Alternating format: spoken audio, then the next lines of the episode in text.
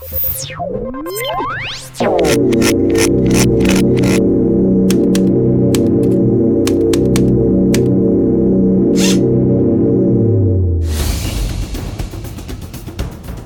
pozdravljeni v posebni poletni epizodi pod črto podcasta. Z vami smo tokrat vsi, tudi tisti, ki do zdaj v dveh epizodah še niso nastopili, in mislim, da se spodobi, da se ta glas najprej predstavi. Ja, lep pozdrav vsem uh, poslušalcem pod črto podcasta, ta glas, ki, se, ki vam ga ni bilo dano slišati prvi dve uh, sezoni, je rok, ki delam pa kot na počrto kot fundraiser.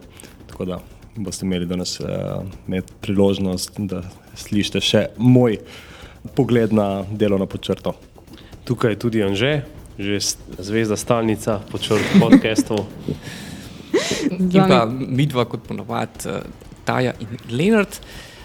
Zdaj, ta epizoda ne bo posebna samo zaradi tega, ker je poletna in bo mehna drugačna, in ne bomo tokrat predstavljali novih razkritij ali pa ozadij teh zgodb, ampak bomo ob tem, ker gre za peto obletnico počrto, ki se približuje, oziroma bo pravkar, govorili predvsem o tem, kdo smo, zakaj to počnemo, kar počnemo, in pa skušali bomo odgovoriti na pet najpogostejših vprašanj, ki jih dobimo takrat, ko se z vami pogovarjamo na predstavitvah, okroglih mizah in dogodkih živo. Zdaj priznamo, teh vprašanj smo zbrali iz enih 21, jih imamo ki jih pogosto slišimo. Tako smo izbrali tistih najbolj jagodni izbor petih vprašanj.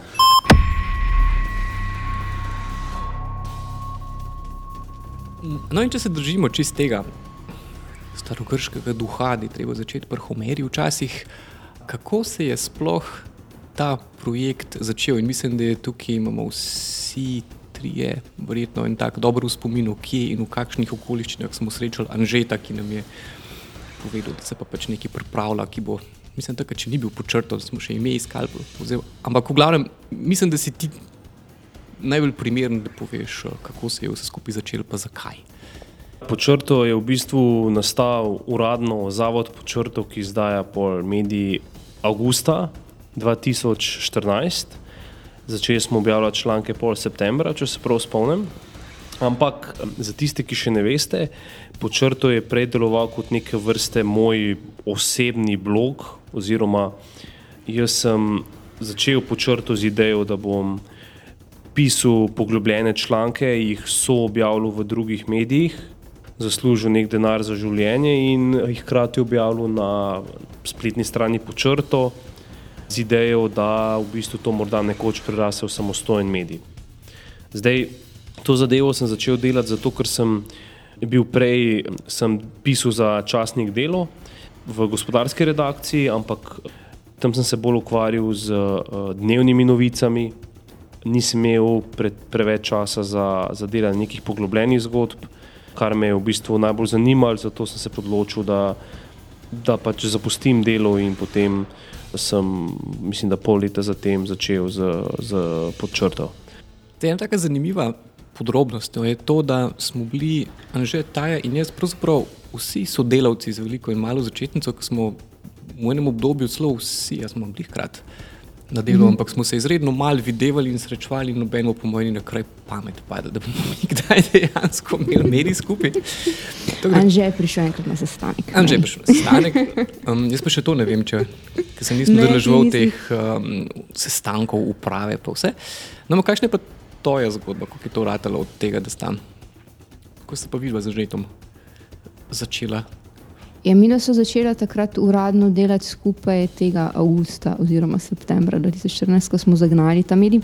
Zdaj jaz bi tukaj povedala to, da to, da pod črto iz te spletne strani oziroma bloga, kjer so objavljeni članki, preraste v samostojen, neprofiten medijski projekt, da ima tu veliko vlogo bravci in pa donatorji. Ja, mogoče pametno. Ne vem, če smo imeli počrto, je kot blog se začel tam poleti 2013 in mislim, da je laufal do jeseni 2013, par mesecev in potem, ker se ta zadeva ni iztekla po načrtih, eh, da bi jaz se objavljal v drugih medijih in dobil za to dovolj plačano, da bi normalno plačal. Je bila ta ideja začasno ukinjena in potem spet reštartana septembra oziroma avgusta 2014. Takrat je tudi bila verjetno prva ta crowdsourcing kampanja. Ja, A to je ne, bilo pa že malo že prej. prej. Bila že pa, prej. eh, Ta, ja. Ja. Torej, če, si že, če že hočeš brskati po teh zelo zgodovinskih dogodkih. Absolutno. Mi da so v bistvu začeli sodelovati zaradi enega maila, ki smo ga izmenjali takrat, ko je imel on zamrnjen, zamrznjen po črto in sem ga jaz vprašala, če, da sem videla, videla, kaj počel in če namerava s tem nadaljevati. Aha. In to, da se je projekt potem res nadaljeval, kot sem omenila, na, tu ima veliko eh, vlogo tudi naši bravci, te, bravci teh prvih vsebin na počrtu, ki so bili pripravljeni ta medij podpreti. In sicer takrat jih je še že vprašal, če bi bili pripravljeni podpreti ustanovitev medija, ki bi se ukvarjal s poglobljenimi vsebinami, s poglobljenimi zgodbami in z kakšno donacijo. In takrat mi nismo v bistvu imeli ničesar, nismo imeli odprtega računa, ni obstajal zavod, ni bilo PayPala. In ljudje, teh 60 začetnih bralcev, je poslalo maile, kjer so napisali v mailu, ja, pod- pripravljen Bi bi bili bil, ja, bi pripravljen bi bil podpreti po črto in v takšni višini. In po svojih midva, takrat septembra, ko je bil zavod eh, uradno ustanovljen, vse pokontaktirali, vsakemu poslala maili in oni so potem res nakazali to donacijo. Ob tem pa so seveda začetna zakon, zagonska sredstva, zagonske donacije, takrat prispevali tudi eh, prvi donatori oziroma podjetja, ki nas podpirajo že od začetka. To pa je mislim, da odlična istočnica za to, da se vrnemo k novemu glasu. Uh, ja, moja zgodba o tem, kako sem se pridružil pod črto, gre nekako tako. No. Jaz sem leta 2015, konec leta 2015, se naveličil svojega dela um, v digitalnem založništvu in sem se nekako že na pol dogovoril za novo delo v nekem bolj tradicionalnem marketinškem podjetju. Vmes pa so šla enkrat za žetom na pivo. Jaz sem že smo namreč eh, sošolca, še, še z faksa. Mislim, da se vidno najdlje poznati od vseh tukaj sedečih. se mi Mislim, da bo kar držalo. Ja. To pa sigurno je. In mi je takrat omenil, da je ta svoj blog, ki sem ga sicer površno že nekako poznal in ga spremljal z enim očesom, da so zadevo štartali, eh, še z, da sta štartala z eno novo sodelovko zadevo nekoliko bolj resno in da bosta morda tudi iskala nove ljudi, nekako mi je namignil med vrsticami, ampak, eh, kot sem rekel, sem bil pač nekako že dogovorjen za neko drugo delovno mesto. Na kar me je potem Anže med božičnimi prazniki klical po telefonu in je rekel, a pa boš lahko ti to delo. in potem sem se v bistvu jaz vprašal, če mi je res, če bom dejansko res morda lahko delal te ne, vem, neke klasične marketinške zadeve. In sem ugotovil, da mora bi me ta zadeva vseeno malo bolj zanimala, tako da so se dobila potem enkrat pred novim letom še na eni kavi, malo predebatirala, kaj ja in kaj ne, kaj, kaj ne bi se delalo. In sem gotovo, da bi mi vseeno ta zadeva nekako bolj zanimala. No? In sem rekel ja. Se, če pogledamo te zgodbe, kako smo prišli do sem. Se začnejo s pivom ali kavo. Mm, ali ne, pri nas je z mailom, s to, ka, to kavo je še trajalo, pa nekaj mesecev, sem prišla do nje. Ne, ampak eh, jaz sem bila v bistvu takrat v situaciji, ko sem že šla z dela in sem se vmes že odločila, da jaz ne bom več delala v medijih. Trdno. Trdno. In potem sem videla pač dan že tu dela in sem ga vprašala, če to namerava. In sem rekla, ok, jaz lahko ti pro bono svetujem pri tem, kako se pos- postavi medij. Ker res ne mislim več delati medijev, no, ampak pol nek, do neki, v neki točki so prišla do tega, da ok. Vsaj jaz sem se rekla, to je moj zadnji medijski projekt. v katerem mu bo- mu boš dala še eno šanso. Tako. Medijem. No, Leonard, kako si pa ti prišel zraven? Ti si se v bistvu najbolj obotavljal. Se, se nisem dobotavljal, ampak zdaj ne bom šel lik staviti, me je že povabil na pivo ali na kavo, ampak mislim, da je bilo to nekje v enem obdobju, ko je na nizozemskem štartu ta projekt The Correspondent, ko je en par znanih novinarjev rekel, mi bi se pa šli ustanoviti medij, ki bo pač počel to, kar ne bi mediji počeli, česar mi v naših službah ne moremo. Ampak, dragi bralci, bi bili pripravljeni tak projekt podpreti in je bilo nekaj tasga, zdaj malo na pamet govorim, če v parih tednih zberemo en milijon, kar pomeni, da vi pokažete, da ste resni, pa bomo pa tudi mi smo že pripravljeni tukaj službe pustiti in dejansko ustanoviti ta medij, kar so pa tudi naredili. In eh, če se prav spomnim, se takrat res z Anželjnom dosti pogovarjala o tem in eno od vprašanj njegovih je bil, a misliš, da je pri nas kaj tajega možno, na kar jaz mislim, da sem rekel, pojma nimam, ker še noben ni probu. Posla pa že počasi, mislim, da, da je bilo že tam nekje počasi neki nakazal na ta poskus kampanje, pa vsega skupaj. In ja, mislim, pa sem pa takrat, sicer nisem um, prišel še čez zraven, sem pa bil zraven tako v svetu zavoda, vse dejansko sem se pa počrto pridružil pred skoraj natanko dvema letoma, ker sem pa tudi jaz sklenil, da je treba te naš delo skupno nekako zapustiti in dejansko početi kaj drugega v življenju, kar nas nekako bolj zanima. Na, tudi zase lahko rečem. Nadgraditi na stvari, ki se mi zdelo, da, da jih pač druge pa na drugačen način ne bom mogel. Zdaj, tu si imel ta milijon, mi nismo začeli z milijonom. Ampak, Nismo, ampak- ne, bomo, ampak milijono se bomo še vrnili čisto na koncu tega podcasta. Glede na to, da je peta obletnica in glede na to, da smo naredili cel kup zadev, kaj bi rekli vsi tukaj prisotni, na kaj ste do tega trenutka najbolj ponosni? A ti začela? Ne, jaz bom čisto na koncu. A ti už na koncu? Ja. Ja, pa pospitam že. Dobro, no, če ste za mene, mene potunkali. Na kaj vse? Jaz v bistvu zdaj nisem, nič, čeprav bi mogel, nisem preveč razmišljal, na kaj, na kaj sem najbolj ponosen. Tako da mogoče, če mi date še minuto, pa kdo drug prej pove. Mogoče rok. In tak, a ni to en tak odgovor na teh razgovorih, a veš, da moraš reči na to, kar šele bom naredil. No, glede, glede na to, da poslušalci mene najslabše poznajo, bi bilo morda fajn, da sploh povem ukvirno, s čim se ukvarjam, da bo imelo sploh. Bojo znali povezati, zakaj bi bil ponosen na to, na kar sem ponosen. Ne. Jaz sem večkrat rekel, da ste en tak Charlie Watts tega počrto. Veš, ono. Ja, možno. V glavnem, jaz sem se takrat počrtil po tem pogovorom z Anžetom na začetku leta 2016 pridružil kot fundraiser, se pravi, nisem novinar, ampak sem na finančno-administrativnem delu, kjer v glavnem sodelujem s Tajo. Počrto sredstva pridobiva iz štirih oziroma petih virov, se pravi donacije bralcev, donacije podjetij, razpisi fundacij, javni razpisi, pa še kakšna soobjava.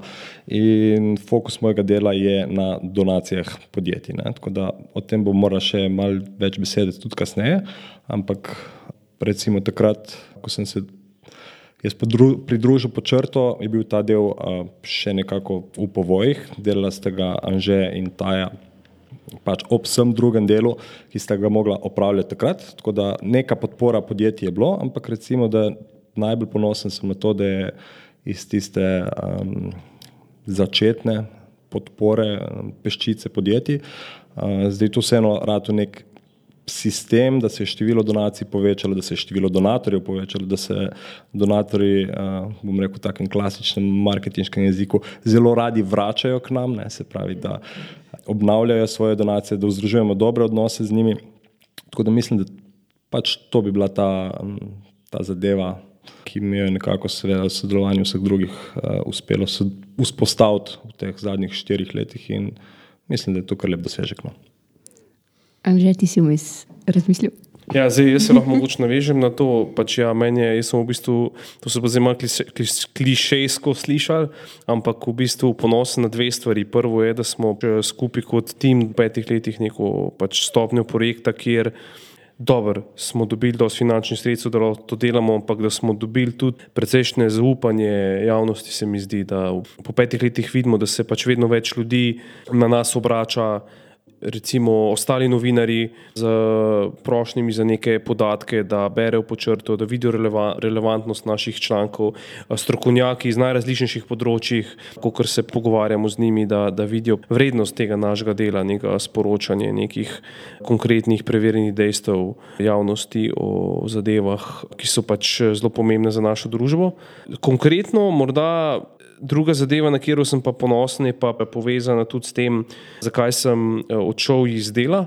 Namreč, eh, kot sem rekel, jaz na delu nisem imel veliko časa zaradi pač samega ustroja medija in moj, mojega položaja v njem kot nekega junior novinarja, ne, da bi se ukvarjal z nekimi poglobljenimi preiskovalnimi zgodbami, čeprav mi pa nikoli ni bilo rečeno, da se ne smem. Ne. In pol je tudi tako izgledalo, da jaz, kot sem trmoglav, sem delal pač tiste neke redne tiskovne konference, hodil po njih in pisal članke zraven, pa še preiskoval kakšno zadevo. Ampak vedno, ko je prišel kak vir do mene in se je izpostavil in mi dal neke, neke podatke ne, tem, o nekih nepravilnostih in s tem tudi seveda veliko tvegal. Eh, sem imel vedno problem, ker sem imel občutek, da ne morem posvetiti mu dovolj časa in dovolj časa zgodbi, da bi naredil primerno zgodbo iz teh podatkov. In v bistvu ponosen sem na počrtu, da se mi zdi, da nam je to uspel, da kadarkoli so prišli neki veri do nas eh, z pač pomembnimi informacijami, ali je bila to vem, zadeva Ornik, bila to pač zadeva z DNK-jem, pač eh, napačni, napačno hrambo DNK na policiji, zaradi česa je bil oproščen, osumljen posilstva. Pa, pa, tudi druge zgodbe, da se mi zdi, da smo tem virom eh, namenili vse čas, ki si ga zaslužijo, in pač iz teh naredili uh, konkretne in dobre zgodbe. No. In pač sem ponosen tudi na to, da smo uh, kot, uh, kako bi rekel, inštitucija držali ta naš del obljube. Tudi če je v bistvu to bilo čas povezan z pritiski na naše delo, tožbami, vem, sovražnimi tviti, zaslišanji na policiji ja, in še čimno. Jaz bi se tukaj navezal, mislim, da je res sam težko še kaj dosti zase rečem, ker sem imel tako občutek, da sem rešil najmanj časa tle, pa tudi tako, da se še umrščem, učim pa to, ampak kar mi pa res je zelo dober občutek, pa da sodelujem pri tem, kar je že izpostavil, zaradi tega, ker kar sem pa videl, kot, najprej kot zunanji opazovalec, pa, pa pa tudi tukaj, ki zdaj delam, da se mi zdi, da je res počrto veliko naredil za to, da je nekako dvignil to idejo preiskovalnega novinarstva. Zaradi tega, ker pred parimi leti je to bilo res tako malo. Fajn se je slišalo, ampak je bilo na tako splošno pripričanje, da to pri nas sploh ne obstaja, ali pa da so to samo vem, tisti, ki nekaj anonimke objavljajo, pa ne vem kaj. Pa recimo, da so podatkovno novinarstvo, da je to samo ena taka modna muha, da samo ene podatke zbiraš, narediš par lušnih infografik, ampak se pa iz tega nič ne premakne. Mislim, to se mi zdi, da je res počrto predvsej bolj pokazal, da se to da resno delati. No. In tudi se mi zdi, da se zdaj o in o preiskovalnem in o podatkovnem novinarstvu govori predvsej drugače. Da vemo, da so podatki samo manjši del zgodbe. Da vemo, da je preiskovalno delo nekaj, kar ne pomeni, da imaš ti na mest en popoldne časa, ne vem, tri dni v prostem času, ampak da so to res lahko stvari, ki jih delaš po par mesecev. In pa se mi zdi tudi to, no, da se je malo na nek način odprl medijski prostor, ki po eni strani je dost, mislim, še zmeraj dosta tega pesimizma, pa krize, pa ne vem česa, po drugi strani imam pa občutek, da v zadnjih dveh letih je pa vse več ljudi, ki grejo iz svojih medijev, ampak ne grejo v ne vem, državne ali pa redne ali pa ne vem kakšne službe ali pa odnose z javnostjo, ampak poskušajo nekaj narediti na medijskem področju in to smo jih zreli, po mojem, mislim, da to zdaj povemno, da tudi ta osnutek medijskega zakona, smo rekli, če pač preiskovalno novinarstvo pred parimi leti sploh ni bil en tak resen pojem, zdaj pa kar naenkrat se država s tem v osnutku ukvarja kot o neki taki posebni novinarski dejavnosti, ki jo je smiselno nekako prepoznati, financirati in omogočiti, da obstaja. Tudi tukaj si verjetno lahko pripišemo en košček zaslug, da je stvar dobila en ugled. Seveda, zasluge si je vedno fajn eh, pripisovati, le se ne, bo, ne bomo ne, skromni. Ja, jaz bi rekla, da sem ponosna predvsem na to, da smo uspeli z precej omejenimi sredstvi in z zelo majhno ekipo spostaviti organizacijo, ki je uspela v petih letih povedati toliko zgodb na takem nivoju. Tudi, kadarkoli hodimo okoli po tujini, ne vem, govorim z tujimi organizacijami in tujimi fundacijami in razložim, kaj pač vse počnemo in na kakšen način in kakšni so naši uredniški procesi, ki jih imamo za vsako zgodbo, skozi kakšen proces preverjanja dejstev, uredniške obdelave, vodenja projekta, gre vsak posamičen članek, da so. Da večinoma vprašajo, ja, koliko pa vas je, in potem rečem, koliko nas je, in so vedno tako. Ja, pa kako je to sploh mogoče? To smo, mm. da boš povedala. Ja. To, da smo, mislim, da smo se na toliko poglobljen način lotili velikega števila zelo, zelo zapletenih zgodb, in pa tudi z tega, da je cel kup teh zgodb vseeno vodil v neke, neke spremembe na bolje, da se je ali, mislim, ali se je nekaj spremenilo, ali, se, ali je to postalo stvar javne debate, ali so bili včasih, včasih so bile spremembe tudi zelo konkretne, naprimer na podlagi nekaterih zgodb, ker so ljudje odstopali iz položajev, ali so bili izvedeni notranji nadzori in so se stvari začele urejati. Kar je nekaj, tudi neka protivtež temu, da po eni strani preiskovalno novinarstvo ne deluje kot najbolj optimistična in vesela dejavnost, ampak eh, po drugi strani se pa na podlagi tega nekaj zares spremeni.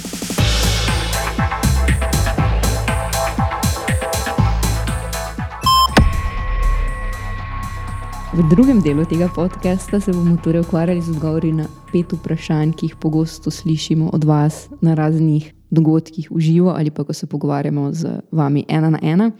Ta del bo malo bolj, morda malo bolj stresen kot začetni, ker, se, ker ne vem, če se okoli vsega strinjamo. To smo že parkrat probali, no, ampak Ja, Mislim, se mogoče lahko povemo v zadnje te zgodbe. Ja, to bi bilo. Prvo ni zrežiš, če ne A ja, v smislu- primerno, ampak, da to ne snemamo prvič. ja, v zadnje zgodbe je bilo, ko smo razmišljali lani ali kdaj, eh, Ne, ali letos, letos, letos. začetku leta, da bi posneli en podcast, kjer bi odgovorili na Vseh 21 na, vprašanj. ne, na, ja, na vprašanja, ki jih pogosto slišimo od kolegov, ali pa dobimo po mailu, ali pa kakorkoli v našem delu, in smo pol skupaj nabrali koliko 20 ali 21 Ja, vprašanj. In pa smo se v bistvu začeli odgovarjati na njih, in se vmes malo skregali, ker nismo bili zadovoljni z odgovori. če ga malo skregali, smo se v bistvu pri prvem vprašanju. Ja, že nismo prišli zelo daleč. Tako da smo se zdaj odločili, da bomo izbrali pet najbolj zanimivih ali kako in reprezentativnih, in upamo, da nam tokrat rata posnet. Ja. Ne, Se zelo sem se spomnil, da se ta vprašanje ni med njimi petimi, potom, ampak un- prvo vprašanje, ki ga ponovadi res dobimo skoraj vsem, kar delamo, je, zakaj delamo to in ne nečesa drugega. Oziroma, zakaj, se, ja, zakaj preizkujete to zgodbo, ne kakšne druge? Ja. Ta je en tak večen, po moje. Ampak Ja. ja, Lahko bonus šesto vprašanje, če bomo prišli do tega, ampak dajmo. prvo. Prvo, kaj je prvo? Torej, prvo vprašanje je, kako deluje počrto, oziroma kako se financirate. To je zdaj delno rok že odgovoril na začetku. Ampak ja, mi v petih letih smo v bistvu razvili ta sistem razpršenega financiranja, ki nam sploh omogoča, da počnemo, kar počnemo. In sicer zelo pomemben del podpore preiskovalnemu novinarstvu ste bravci z donacijami, potem so tukaj podjetja, ki nas podpirajo z donacijami, projektna sredstva, ki jih eh, dobimo od eh, fundacij, evropskih projektov in pa od Ministrstva za kulturo. Pa mednarodnih sodelovanj. In mednarodno, to, so- to so v bistvu ta projekt, projektna sredstva. In pa zelo majhen del od mm, rečemo, tega lastnega dela na trgu v obliki soobjav. ta. V obliki soobjav vsebin v drugih medijih, kjer pač drug medij plača nekaj malega za to, da objavi naš članek, recimo v časopisu ali pa kakorkoli. Kjer del malo bolj predstavimo? Recimo, ena stvar, ki je tukaj pogosto pod vprašanje, je, ja, a pa dobite dosto od bralcev. Mislim, zdaj, jaz, jaz sem pač tisti na počrtu, ki, uh, vsak mesec piše mesečna poročila in tukaj je pač tudi eh, vključeno finančno poročilo in mislim, da imam uh, najbolj Sveže. aktualen pregled in eh, pač uh, glede te razdelitve kolača mi dobimo okoli 15 odstotkov sredstev za naše delovanje iz naslova donacij bravcev, potem dobimo okoli 35 do 40 odstotkov sredstev, oziroma 35 odstotkov sredstev iz eh, donacij podjetij, tako da ta, ta del, donatorski del, v bistvu pokrije približno polovico delovanja po črto. Pa drugo polovico dobimo pa od uh, javnih razpisov, torej pisem Ministrstva za kulturo, pa zasebnih fundacij, ki nam pač eh, dodelijo neka sredstva za eh, bodi si vsebine, za konkretno zgodbo, ali pa mislim, da smo dobili tudi sredstva za razvoj organizacije. Za razvoj medijskega Tako modela. da dejansko je trenutno pač nekje pol-pol to razmerje med razpisi in uh, donatorji. No. Jaz mislim, da je tu zdaj ta dober trenutek um, za odgovoriti na to vprašanje, ki ga pogosto slišimo, in, zakaj, in sicer zakaj podjetja podpirajo počrto. Ja, bom a, odgovoril na vprašanje z vprašanjem. Ne. Jaz sem se spomnil, zdaj, da sem pred časom že, mislim, da med lansko kampanjo, a, pripravil en tekst, en post, naslovljen a, in kaj ima firma od tega. In ta post je še vedno zakopan nekje v našem CMS-ju, tako da v bistvu te bom vprašal, ga kaj točno se dogaja s tem in kdaj ga nameravamo objaviti. No, kaj piše v postu? V postu Ja, piše, za za vse. točno nekako smo poskušali odgovoriti na to vprašanje, zakaj podjetja podpirajo pod črto. Zdaj, malo backgrounda, mogoče pa morda tukaj Anže dopolnil, če so se zadeve, ki je vmes spremenile, oziroma mora, če je bila njegova osnovna ideja, kot reštartu pod črto, ki je drugačna. Ampak osnovna predpostavka pri delu s podjetji je nekako, da v Sloveniji obstaja kritično število podjetij, ki poslujejo pošteno, transparentno, se trudijo in bojo zato pripravljeni podpirati projekte, ki bodo omogočali, da bo to naše skupno okolje na dolgi rok eh, bolj funkcionalno, bolj transparentno, bolj učinkovito. Ne? Zdaj, jaz tukaj ne razlikujem, ne delam prav velike razlike med motivacijo bralcev in podjetij, ne? ker v končni fazi jaz ne govorim z nekimi anonimnimi korporacijami, ampak imam praktično vedno na drugi strani sogovornika. Praviloma, oziroma skoraj vedno je to glavni finančni odločevalec, direktor, ki je pač človek. In tako kot vsi naši bralci, ima tudi on neke svoje poglede na svet, neke svoje specifične motivacije, teme, ki so mu blizu, ideje, kako bi se dalo recimo situacijo v Sloveniji izboljšati. Pa verjetno so to pogosto tudi kar ustanovitli, kar je tudi važno. Tudi, tudi. Uh -huh. V glavnem in ti ljudje nas podpirajo iz peščice različnih razlogov, bom rekel nek koktajl razlogov, ki se pri enih prekriva, pri enih malo manj. Ne. Zdaj v grobem bi jih jaz razdelil na nekih štirih, petih, bom naštel. No. En je pač preprosto ta, da recimo tako kot je že tako štartil ta blok, da jih moti veliko stvari v Sloveniji. Se pravi, recimo jih moti korupcija ali pa jih moti kakšne nepravilnosti na kakšnem drugem področju. Ne.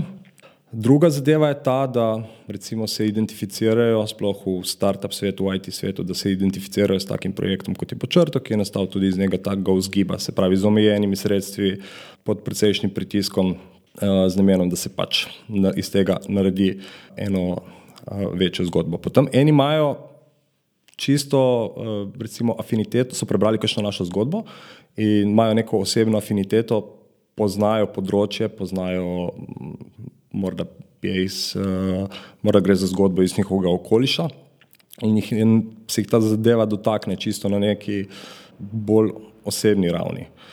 Eni podpirajo zadeve zaradi tega, ker so sicer obupali nad mediji, podobno kot kakšni bravci, eni pa zato, ker se jim, jim zdi, da je dobro, da vsaj nekdo v Sloveniji nekaj dela na tem področju in potem eni podprejo, pač spet govorimo o ljudeh, zaradi tega, ker jaz pridem na sestanek in to zadevo predstavim po svojih najboljših močeh in recimo, ne vem, sem jim prepričljiv, simpatičen, ali pa nam v končni fazi tudi ne dajo denarja, zato ker pač nekomu nisem všeč. Ne. Tako da v grobem, če bi govorili o motivaciji, zakaj podjetja dajo, ponovadi bi se za vsega posameznega najdel razlog tle nekje v preseku teh razlogov, ki sem jih naštel zdaj.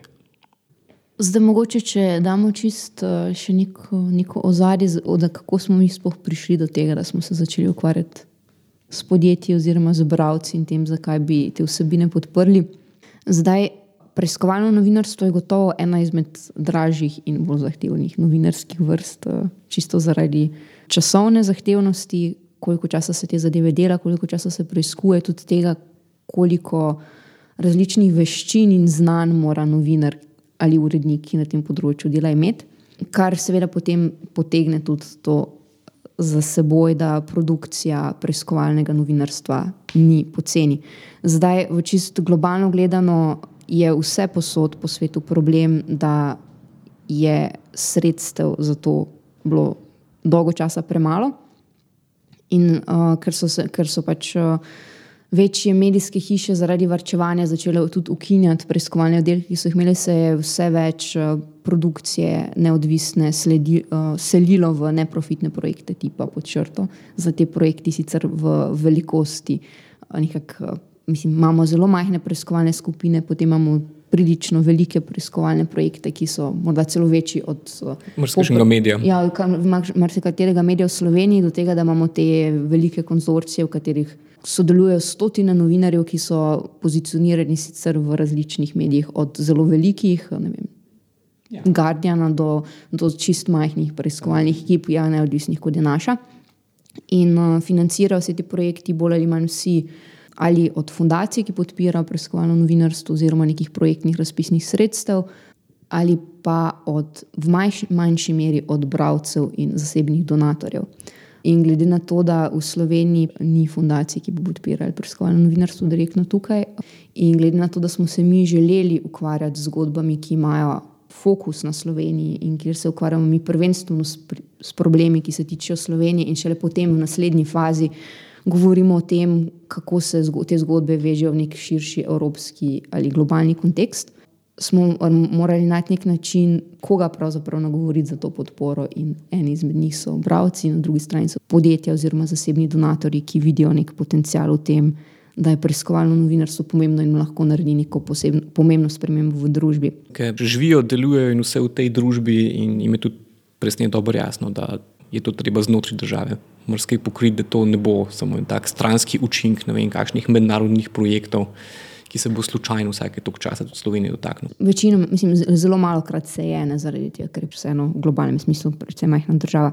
Kar mislim, da je odlična istočnica za to za vprašanje za Anžeta in sicer kako pridete do svojih zgodb, oziroma kako pridemo do zgodb na počrto.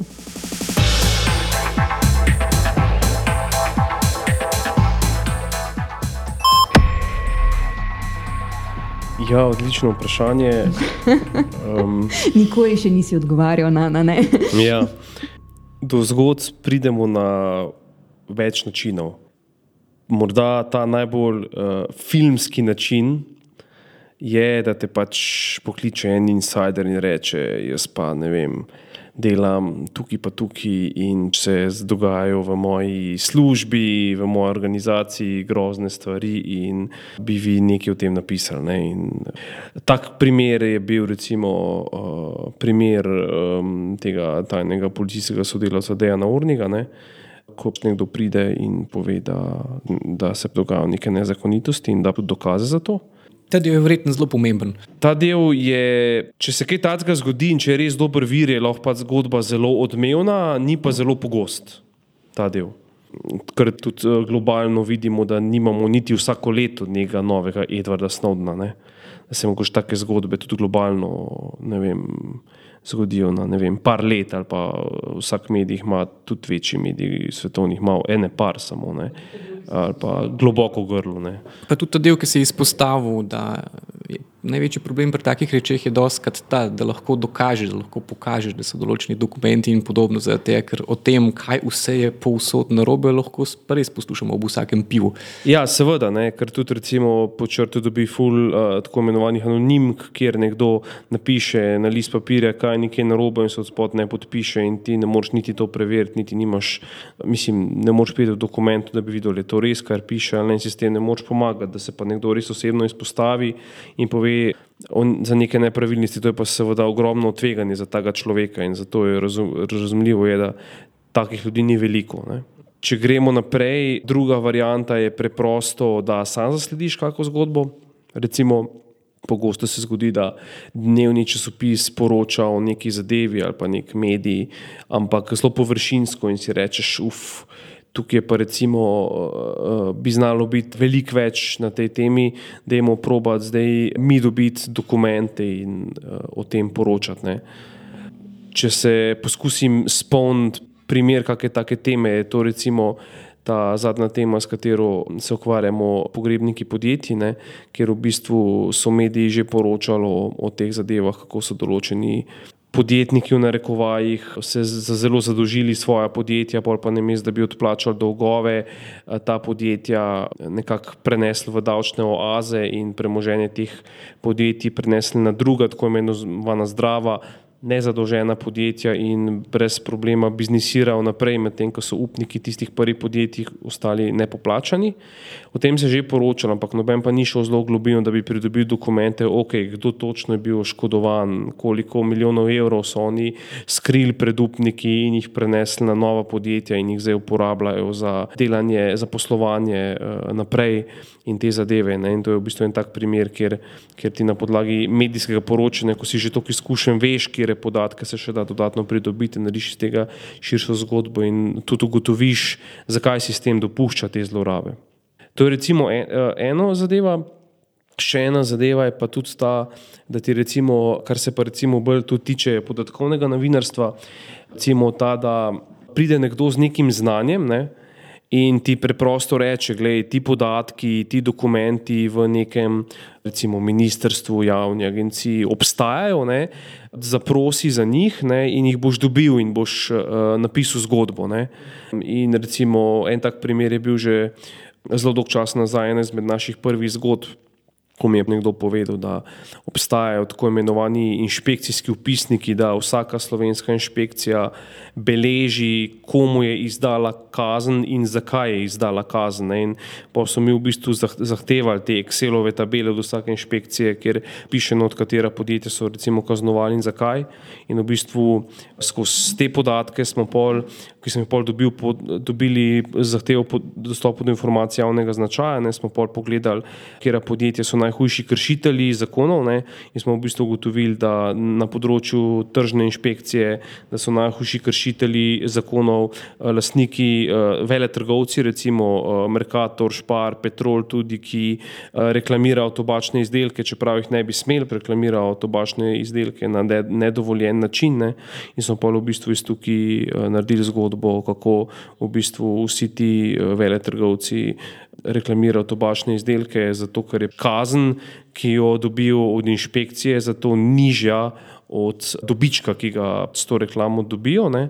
In pol tukaj na koncu je bilo tudi to privedlo do spremembe tobačne zakonodaje, ki so v bistvu zdaj prepovedali kakršno koli reklamiranje tobaka in tobačnih izdelkov. In v bistvu, če neka prodajalna krši to načelo, se lahko v skrajnem primeru pač tudi oduzame pravica do prodaje tobačnih izdelkov, ne, ker včasih je dobil tiskati tisoč ali dva tisoč evrov kazni in, in to je bilo to, ne, kar se morda sliši veliko, ampak pri milijonskih dobičkih ne, tobačne ja. industrije to ni tako zelo, zelo veliko. No. To so bi, bi bili recimo ti trije glavni viri. Ja, jaz bi moče dodal še dva. No, ja. In sicer en je ta, kjer nas neke, neka druga organizacija, večinoma tuja, povabi v neko partnersko sodelovanje, ker so oni že zbrali ali pa zbirajo neko veliko količino podatkov. Recimo, segrevanje mest je tak primer. Ja, segrevanje mest ali pa se je nekdo odločil, da bi želel zbrati podatke na evropski ravni in bomo izbrali mi sami, ampak so oni že zastavili, naprimer, nek koncept, to so bili pa prekarci. Ta druga zadeva, ki pa, je pa mogoče še ta, da ko se enkrat dela zgodbo in ko si na terenu pridejo zgodbe in viri, še le do zares do tebe. Ne. Kaj enkrat nekaj objaviš, pol mm. to doskrat sproži ta učinek. Da se pol ta zgodba dopolnjuje, ali pa še kdo kaj pove, ali pa dobiš še kakšne dodatne informacije. Zakaj so vsebine na voljo za ston? Preden to odgovorimo, bi mogoče morali sploh povedati, kje te vsebine so na voljo. In sicer mi vse, vse članke, ki jih pripravimo, objavimo na naši spletni strani na počrtu.si. Kot je že Anže v mestu menil, jih včasih tudi so objavimo s kakšnimi mediji. Večer, finance. Tako, naprimer, kar pomeni, da je objavljen članek tako na naši strani, kot pri njih. Seveda imamo tudi podcast. Kot slišite? Kot slišite. da so pa vsebine na, na voljo za ston in jih torej dostopa in pa branja ni potrebno plačevati, smo se mi odločili že čist na začetku. Mislim, da imamo to napisano tudi v statutu ali, usta, ali pa v ustanovnem aktu. In sicer zakaj? Anže. Zakaj vse? Ja, v bistvu sta tukaj dva razloga. En je, ne vem kako bi rekel, etičen, en pa poslovni kot jaz zadevo vidim. In etičen razlog je, da če ti razkrivaš določene nepravilnosti, pišeš o nečem, kar je v javnem interesu, kar bi mogli čim več ljudi prebrati, ne, pol je nekako narobe, po mojem mnenju, da ti to da za nek uh, paywall, kot se temu reče, oziroma narediš tako, da morajo ljudje plačati, da lahko to preberejo, ne? ker bo vedno obstajala neka množica ljudi, ki si tega ne more privoščiti. Ne? V redu, če si ti nek nišni medij, če pišeš o, o borzi, o vem, nogometu, potem razumem, ne, da je lahko to čist, čisto ok. Ne? Ko pa pišeš o nekih stvarih, ko so v javnem interesu, pa se mi zdi, da morajo biti te prosto dostopne. Druge pa ta poslovni razlog, ker mi uh, predvidevamo, da glede na to, glede na specifiko našega medija, torej uh, malo, uh, relativno malo objav uh, na leto, poglobljene objave, da v bistvu na ta način sploh ni možno tudi poslovno pridobiti nek, neka resna sredstva s tem, da bi zaklepal vsebine in jih pol prodajal, ker praktično noben medij ki se ukvarja samo s preiskovalnim novinarstvom. Jaz ne poznam niti enega primera, da bi imel tako imenovane zaklenjene članke oziroma članke proti plačilu. In hkrati tudi to, da je na teh vsebinah tako rekoč ne mogoče postaviti oglaševalski model, iz katerega se še zmeraj financira. To, smo, ja, to je še ena zadeva, ki smo se na začetku odločili, da oglaševanje ni naš medijski model, s katerim se bomo ukvarjali iz večjih razlogov. Tudi ta, da ja, ali koliko oglaševalcev bi sploh zares oglaševalo na preiskovalnih zgodbah. Morda bi bilo možno, ne, če bi recimo bila tukaj ekipa 40 ljudi na počrtu in bi objavili vsak dan tri članke, pol se mogoče z poslovnega vidika da, ampak ti rabiš tukaj neko frekvenco objav umetne, da to sploh dela. In torej, zato, ker so vse vsebine na voljo za ston, vas mi vprašamo, da v primeru, da menite, da je to, kar počnemo, pomembno in želite te vsebine brati tudi nadalje, da pač podprete naše delo z donacijo po svojih zmožnostih. A, gremo na peto vprašanje. Ja, peto vprašanje je: Sladke skrbi. Tako, če bi dobili milijon evrov za počrto, ni pomembno odkje, ampak eh, pomembno pa je. Od oglaševalcev. Ne, pomembno pa je. Da je to ta no strings attached. Vsota, ki jo lahko uporabiš za karkoli, brez kakršnih koli pogojev, v kaj bi vložil.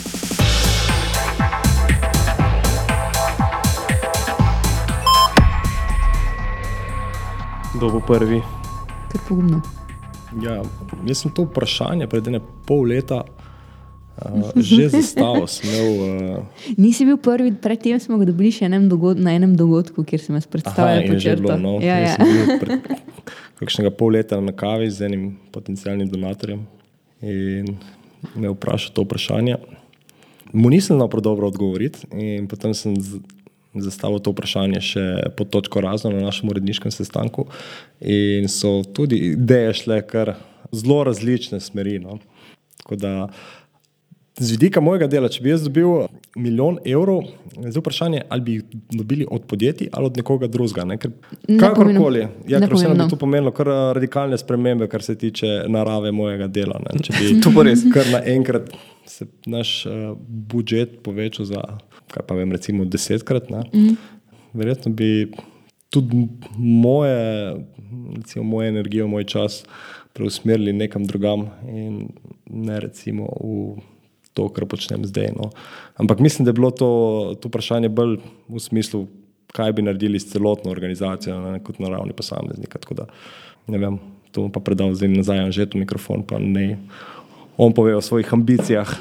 Z milijonom Ja, jaz sem po duši tako skromen človek, da so to take številke, da sploh nisem sposoben razmišljati, kako bi zapravil milijon ali pa če govorimo milijon na leto ali kako mislim, ali samo da pride en z milijonom in ti ga da in reče, nikoli več me ne boš videl, ampak tle ne imaš tale milijon.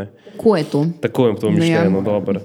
Ja, ne vem, verjetno bi ga, to je zdaj suhoparno odgovor, razdelil na vem, pet let in rekel, vsak let imam 200 tisoč evrov in bom pač s tem nekaj naredil. Bom, ne vem, eh, se bom na počrtu odprl še več tem. Moj odgovor je tak precej suhoparn, pač jaz bi rad dobil še malo več ljudi, ki bi se ukvarjali z vsebinami, z ostalimi zadevami, produkcijo, z eh, še boljšim približevanjem naših vsebin bravcev, bravcem. In eh, se pravi, moja glavna motivacija bi bila, da bi se plovilo čim več tem, ker meni osebno najbolj boli to, da da se pa če se ukvarjam z eno temo in pol vidim eno ful zanimivo temo, perečo temo ali pa nekaj, o čemer mislim, da bi dejansko tudi mogli pisati, ker ima tak nek negativen učinek na družbo, kako koli, da je treba to upozoriti, ampak enostavno nimamo resursov, nimamo časa. Ne. Jaz delam na nekem drugem projektu, pišem neke druge članke, Lenart tudi tu bi, bi rabili še nekoga, da to pokrije in to je v bistvu meni ena izmed najtežjih reči na podčrto. Ne? Ta, kako bi temu rekel, v ekonomiji se temu reče, oportunitetni strošek, ne? da se ti ukvarjaš z eno stvarjo in se zaradi tega z drugo ne moreš. In vidiš pri tej drugi stvari, da je tudi zelo resna, da mora nekdo o tem nekaj napisati, to razkriti. Ampak si moraš enostavno reči, ne, ne morem, ne? ker nimam, nimam časa, ne? lahko se ne vem, mogoče tega loti, ampak bom, bom pol pregorel. Ne? In v preteklosti ja, smo že bili več izmed nas bližje do temu, ne? ker smo se vse osebno hotel mogoče tudi preveč tem lotevati, kot so se mi zdele pomembne. Tako da definitivno bi, bi mi tak milijonček olajšal to mojo uh, žalost o tem, da se moramo odreči določenemu delu tem. No, ja, je tudi podobno predstavljam, ampak je ta naš vsebinsko-uredniški del, je zmerno no, več vsebin, boljše vsebine, več bi lahko pokrili, najlepše po možnosti še kakšnega specialista, ki bi se prav s kakšnimi temami, ker je to še ena taka specifika pri tem našem delu, da si veliko težji univerzalc kot eh, v večini običajnih medijev, zaradi tega, ker ne gre enostavno se. In zaradi dela z viri in zaradi specifike se skoraj moraš malo specializirati za stvari. In ja, z milijonom verjetno bi ta vsebinski del razmišljal predvsem o tem, kaj vse bi lahko na vsebinskem delu naredil, kaj vse bi lahko bolj natančno, pa bolj podrobno, pa predvsem tako sprot pokrivali, pa verjetno bi širili kakšne te nove produkte. Zdaj, ne vem, če bi šli v video po Buzzwordu, ampak ja, sigurno bi razmišljali o tem, kaj še pod, poleg podcasta in razmeroma dolgih člankov na internetu, kaj še lahko naredimo. Ja, to bo zdaj ta ravnotežje, to naš, naš podarek na vsebini. Ja, se se se se to člankov, to... zdaj pa, pa ta ročno zavoro, pa up, so še druge stvari pomembne. Tako, tako, tako, tako. To je tukaj može taja povedati, kaj bi z milijonom. Jaz bi ga vložila v razvoj. In sicer, kaj s tem mislim, Kot vemo, imamo ena izmed težav, težav, ki jo imamo, je, da mi zelo dolgo izobražujemo svojega preiskovalnega novinarja, da je sposoben samostojno pokrivati neko področje, torej bi del denarja vložili v ta zelo fokusiran izobraževalni program, zato da bi dobili večje število samostojnih novinarjev, ki pokrivajo različna področja, kar mislim, da bi nekako bilo približno to, kar bi ti hotel anže. Uh, druga stvar je, še bolj bi se posvetili temu, če se reče strokovno razvoj občinstev in delamo z našimi, z našimi bralci in pa donatorji, zato ker je ta stik pomemben, ob tem, pa, ob tem, da je tudi izredno pomembno, da ne samo da produciraš vsebine, ampak da te vsebine do čim večjega števila ljudi oziroma bralcev in pa pravih bralcev pridejo. In ne glede na to, da se zdi, da je v današnji dobi in digitalnem okolju popolnoma enostavno prihajati do svojih občinstv. To ni res in to je vedno draže. In teže.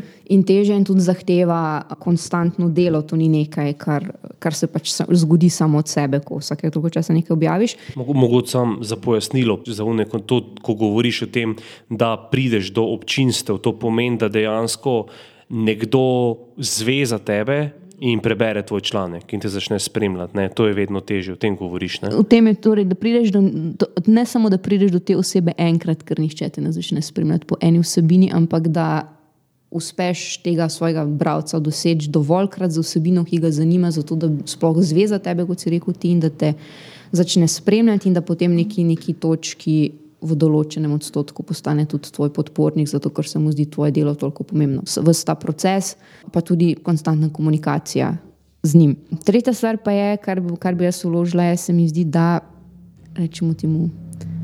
Razvoj različnih produktov, v smislu, ja, mislim, da so zgodbe, ki jih je boljše kot samo s tekstom povedati, tudi z drugimi načini, ali vizualno, ali, z, ali glasovno, kot to zdaj, ali pa z videom. In uh, če bi imeli neka, neka sredstva za razvoj, bi gotovo šli pri določenih zgodbah tudi v razvoj teh produktov.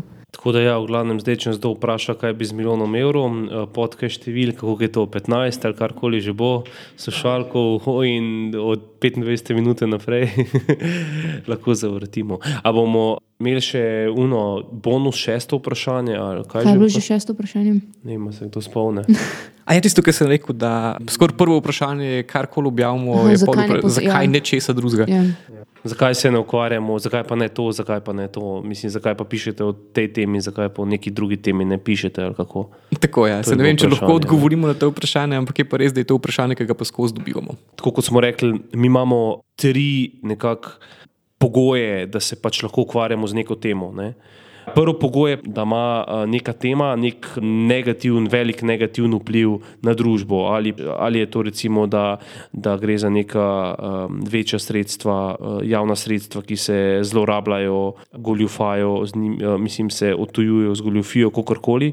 Ali to delajo neki pomembni ljudje na položajih, recimo politiki, ali ima uh, neki recimo, negativen efekt na posameznike, recimo, ko poročamo o kakovosti v zdravstvu. Ne, uh, to, da se ne spremlja kakovost v zdravstvu, lahko ima zelo negativne posledice na, na bolnike. Ne, glede na to, da Ministrstvo za zdravje ocenjuje, da ne bi zaradi zdravniških napak do tisoč ljudi na leto umrlo, ne, je to jasno, da so to neke zelo pomembne teme za našo družbo. Globalno segrevanje je še eno, ne, oziroma podnebne spremembe, oziroma da imamo reči kar podnebna kriza, ne, ki bo imel najverjetneje zelo hude posledice na nas vse.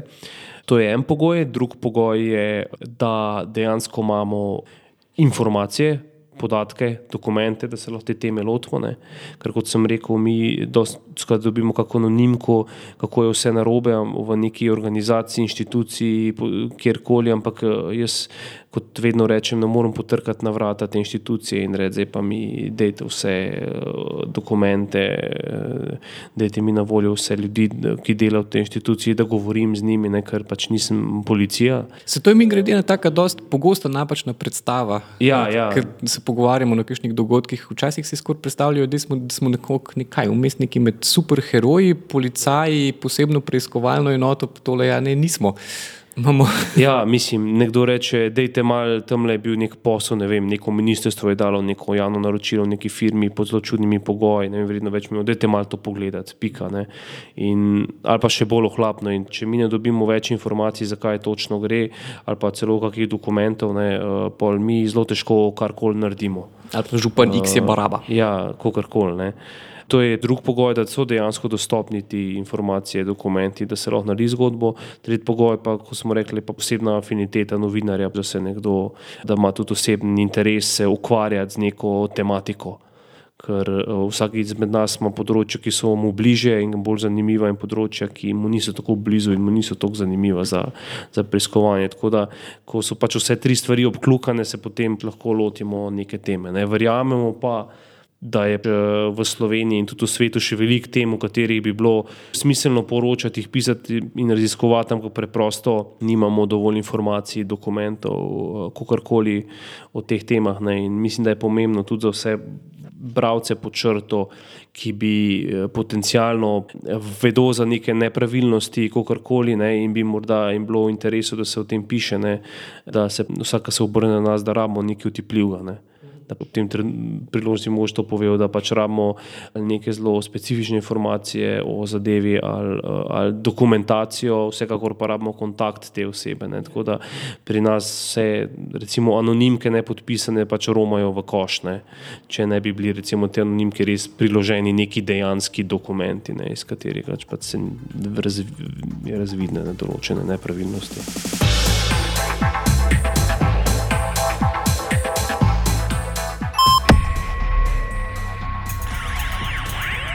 Ker bi mogoče zdaj, če si to temo že načel, povedali tudi, kako je mogoče stopiti v kontakt z nami in kako je mogoče na najbolj varen način stopiti v kontakt z nami.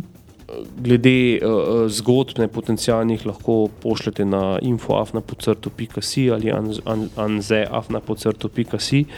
Ko tudi uporabljamo kriptirane načine komunikacije, PGP ključ je pojavljen na naši spletni strani, če ste malo bolj tehnično bom rekel, se spoznate na te stvari, lahko nam pošljete tudi uh, kriptirano sporočilo. Morda za tiste, ki pa niste, pa dejansko jaz mislim, da je še kar najbolj varna zadeva, da nam pošljete po navadni pošti informacije, uh, če so pač te tako občutljive, da jih, nam jih ne morete poslati prek elektronske pošte. Naš naslov je pa tudi na spletni strani dostopen. Je pa mislim, da Zavod počrto Tehnološki park 20 tisoč Ljubljana. Je pa res je pomembno, da čim bolj natančno opišete, zakaj se gre, da lahko tudi mi čim bolj natančno ocenimo, ali se mi lahko lotimo neke teme ali ne. In recimo, um, seveda se vsake teme ne moramo lotiti. Ne?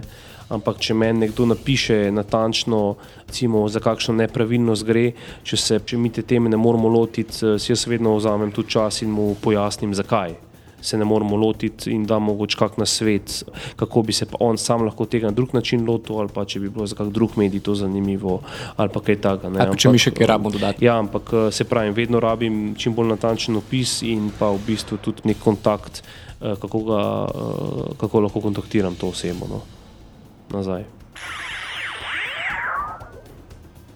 Če prvič poslušate no, naš podcast in ne želite zamuditi naslednjih epizod, vas vabimo, da se naročite Naročite. na naše vsebine pri vašem najljubšem podkastu Odimalcu. Sicer pa spremljate vsebine na spletni strani počrto.si prek Facebooka, Twitterja ali Instagrama. Vsako soboto pa za vas pripravljamo in pošiljamo tudi tako imenovano počrto sobotno branje. Na katero se prav tako lahko naročite? Tako na naši spletni strani v katerem ob aktualnih uh, zgodbah povemo še nekaj več o zadjih uh, in pa o tem, kako se zgodbe, o katerih smo že poročali, razvijajo in kakšne so spremembe na bolje. Z vami smo bili v tokratni epizodi Anže, Rok, Lenart in Taja.